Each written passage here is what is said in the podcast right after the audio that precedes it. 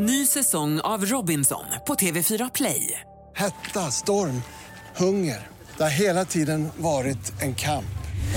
Nu är det blod och tårar. Fan händer just nu. Det. är Detta är inte okej. Robinson 2024, nu fucking kör vi!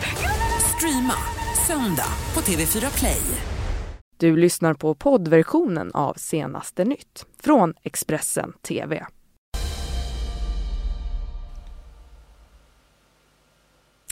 Jag säger god morgon och välkommen. Du tittar på senaste nytt med mig Johanna Gräns. Jag hoppas att ni har haft en trevlig och skön jul. Eh, och vi ska här nu ta en titt på eh, torsdagens eh, huvudrubriker. Explosion vid villa i Lund i natt. Eh, fönster krossade. Terroristdömde svensken Munir Awad släpps. Expressen har träffat honom. Och myndigheter i Indonesien varnar ännu en tsunami kan komma. Ja, men vi ska börja med explosionen i centrala Lund. För polisen har fått in flera larm om en hög smäll här under natten och och eh, på platsen kunde polisen konstatera att någon form av explosion inträffat vid en villa. Ett antal personer ska ha befunnit sig i fastigheten i samband med explosionen men ingen ska ha blivit skadad fysiskt. Däremot så ska det ha blivit eh, skador på ytterdörren vid den aktuella villan och även fönster på en intilliggande fastighet har krossats. Polisen har i nuläget inga misstänkta. Efter åtta år bakom galler så släpps den terroristdömde svenska medborgaren Munir Awad de närmaste dagarna ut i frihet igen. Han har avtjänat sitt straff för att ha planerat en terrorattack mot tidningen Jyllandsposten i Köpenhamn där journalister skulle bindas fast och avrättas med automatvapen. I en exklusiv intervju med Expressens Mellanöstern-korrespondent Kassem Hamadeh så berättar nu Munir Awad för första gången om gripandet, om tiden i fängelset och vad han ska göra nu när han återvänder ut i samhället igen. Jag hade hört tidigare att det var en grupp som var på väg till Köpenhamn och kolla på ett arbete, på ett jobb. Vad menar du med ett arbete? Som jag sa, jag har levt ett destruktivt levt ett tag. Jag hade återfallit i kriminalitet och liknande. Så jag trodde att det var något åt det hållet. Att det skulle vara något kriminellt alltså? Jag har fortfarande inga detaljer. Nej. Men han tryckte på, han sa till mig och kolla vad det är och kom tillbaka. Ingenting kommer att ske. Han garanterade att ingenting var på väg skulle hända. Så att jag tog hans plats. Vad hände i Köpenhamn? I Köpenhamn, vi gick och träffade en kille som de grabbarna hade avtalat tid med. Vi fick nycklarna till lägenheten, vi gick upp, vi sov. Alltså det var inget märkvärdigt. Det var inget märkligt med det. Jag märkte ingenting som var annorlunda. Alltså det, det som jag minns är att de eh, kommer in, trycker upp dörren. Eh, insatsstyrkan gick in. Eller den här eh, PT eller vad de heter. Specialstyrka. Och vi åkte fast. Anklagade för terrorbrott. Mm, du kan se hela den här interv intervjun eh, med Munir Awad på Expressen.se. Vi går vidare och byter ämne. Tre eh, svenska företag, H&M, Ericsson och Electrolux Ja, de står tillsammans för ett större utsläpp av eh, växthusgaser än hela Sverige som nation årligen. Det här visar en kartläggning som Dagens Industri gjort och företagen släpper eh, tillsammans ut 180, förlåt, 108 miljoner eh, ton koldioxid varje år om man då räknar deras verksamheter över hela världen. Och Sveriges eh, konsumtionsbaserade utsläpp uppgår till 101 miljoner ton varje år. Och tidningen skriver också eh, att 30% av de svenska eh, storbolagen antingen inte kan eller inte vill lämna ut eh, några uppgifter om hur mycket koldioxid de släpper ut. För, eh, för 20 år sedan så drabbades Malmö av en rånvåg Eh, oftast unga personer blev omringade av en stor grupp eh, andra ungdomar och eh, rånade på sina mobiltelefoner. Det här fick polisen att upprätta en lista på 45 tonåringar som var misstänkta ungdomsrånare. Men vad hände med ungdomarna sen? Ja, vår reporter Maria Rydhagen har gått igenom listan. Här står jag med en lista som polisen i Malmö gjorde 1998 i november, alltså 20 år sedan. Jag ska inte visa den för att vi vill inte röja identiteten på någon av de här 45 killarna som hamnar på den här listan. Eh, de var då mellan 15 och 18 år.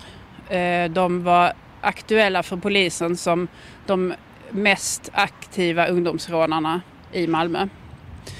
Eh, under 98 och lite in på 99 så var det en rånvåg i Malmö. Det var en ny sorts rån som man inte hade sett tidigare. Eh, det handlade om stora gäng som gick på ett offer.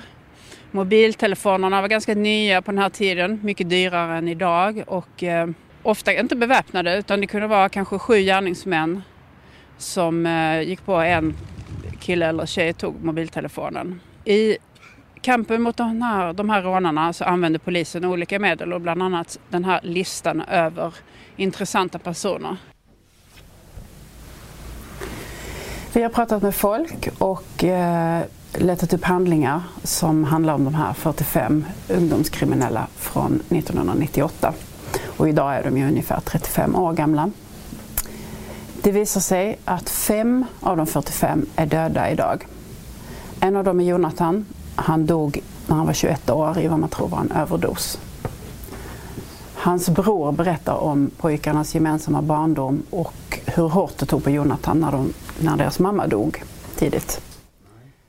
Och det är en annan sak som återkommer när vi tittar på de här 45 ungdomskriminella, att flera av dem förlorade en förälder väldigt tidigt.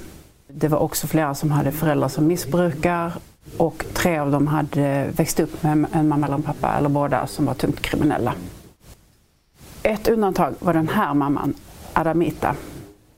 Hon reagerade väldigt starkt på sönernas kriminalitet och flyttade helt enkelt bort dem från Malmö. Idag så har båda jobb och familj. Av de 40 eh, ungdomskriminella som överlevde så är det idag lite mer än hälften som har, helt har lämnat den kriminella världen. En av de misstänkta rånarna som vi intervjuade berättade att han satt en tidig morgon här i Jesusparken i Malmö och eh, han kände att han orkade inte mer och ville bli gripen. Så det han gjorde var att han gjorde inbrott i ett antal bilar här i närheten tills polisen kom och tog honom. Och han är en av dem idag som har jobb och barn och familj. Mm, men varför då tog eh, polisen fram den här listan från början och hur användes den egentligen? Ja, vi träffade Glenn Sjögren, en av de poliser som eh, jobbade med den här rånvågen eh, på 90-talet.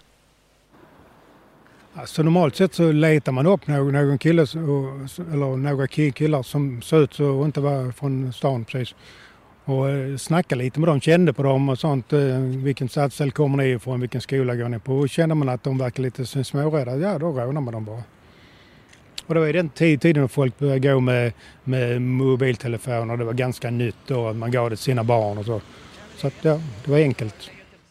Rånvågen som sköljde över Malmö under 1998 och en bit in på 1999 följde ett tydligt mönster. Trots att inga vapen användes lyckades rånarna troligtvis på grund av att de höll sig i stora grupper skrämma sina offer till att lämna ifrån sig sina värdesaker. Polisen upprättade en lista. Bilder på 45 tonåringar som misstänktes vara de mest aktiva rånarna delades ut till poliser i yttre tjänst. Men listan användes på ett ovanligt sätt för att snabbt få tag i rätt personer och förhoppningsvis få tillbaka det som stulits använde man listan till att vad som på polisspråk kallas bränna ett vittne. Alltså vi hade otroliga problem med, med rån ute på stan. Jättemycket rån. Och eh, detta, detta var ännu, ännu ett sätt att, att försöka komma åt de här grabbarna snabbt och lätt. Listan visas för ett vittne som får peka ut vilka denne tror är rätt personer. Att det vittnet sen anses bränt betyder att vittnesmålet inte kommer tilldelas någon större tyngd i en rättsprocess, då det anses färgat av bilderna denne fått se istället för att helt tala ur eget minne. Varför tog ni den här kalkylerade risken att som du säger bränna ett vittne? Alltså vi, vi gjorde ju bara i de fallen då vi hade flera stycken vittnen för att vi skulle kunna köra det normalt för övrigt. Men detta var en chans att kunna fånga in gärningsmännen snabbt och få tillbaka godset de har tagit. Och, eh, det var ett sätt att pröva, pröva, pröva sig fram helt enkelt, hitta nya metoder som fungerar. Vi ska nu gå utrikes. Eh, minst 430 personer har dött och flera än 1400 människor uppges ha skadats vid tsunamin i Indonesien. Det extrema vädret vid den drabbade kustremsan försvårar nu dessutom räddningsarbetet och landets eh, katastrofmyndighet har gått ut med en varning för att ännu en tsunami kan komma att uppstå. Kraftiga skyfall och stark vind har försvårat den räddningsinsats som pågår i Indonesien efter den jättetsunami som i helgen drabbade kusten längs Sundasundet. Hittills har minst 429 människor bekräftats döda, 1400 skadade och fortfarande så saknas fler än 150 personer. Tsunamin orsakades då en stor del av en vulkankrater på ön Ankar Krakataus rasade ner i havet och skapade jättevågen. Och även över den ön har Indonesiens meteorologiska myndighet utfärdat varningar för extremväder och gör bedömningen att vulkankratern kan komma att bli än mer instabil. Räddningsarbetet pågår i största möjliga mån och landets katastrofmyndighet uppmanar kustbefolkningen att vara extra vaksamma och att helst evakuera sina boenden. Mm, vi ska stanna i Indonesien för just vulkanen Anak Eh, Krakatau mellan just Java och Sumatra har spottat ut nya askpelare eh, eh, i luften och nu styr landet om all sin flygtrafik. Det här rapporterar flera medier. Och varningsnivån har också höjts när, till den näst högsta och farozonen har utökats från 2 till 5 kilometers radie. Det här enligt BBC. Man tror att den här aktiviteten i vulkanen eh, utlöste just de här underjordiska eh, jordskred som i sin tur utlöste tsunamin. Ja, en av julhelgens höjdpunkter för alla sportintresserade är ju eh, junior-VM i ishockey som traditionellt direktsänds i svensk tv här under mellandagarna och över nyår. Och detta är en chans för hockeyintresserade att se nya unga begåvningar som eh, redan har eller kommer att få en karriär i SHL eller i NHL. Och Eh, om ni fortsätter att följa Senaste Nytt och Expressen TV eh, så kommer ni få en eh, direkt rapportering från våra utsända på plats i Kanada. Ja, med det så tar vi en liten kort paus härifrån Senaste Nytt, men vi är strax tillbaka med mer, så stanna kvar. Du har lyssnat på poddversionen av Senaste Nytt från Expressen TV. Ansvarig utgivare är Thomas Mattsson. Ny säsong av Robinson på TV4 Play. Hetta, storm, hunger. Det har hela tiden varit en kamp. Nu är det blod och tårar. Fan händer just det. det detta är inte okej. Okay. Robinson 2024, nu fucking kör vi. Streama söndag på TV4 Play.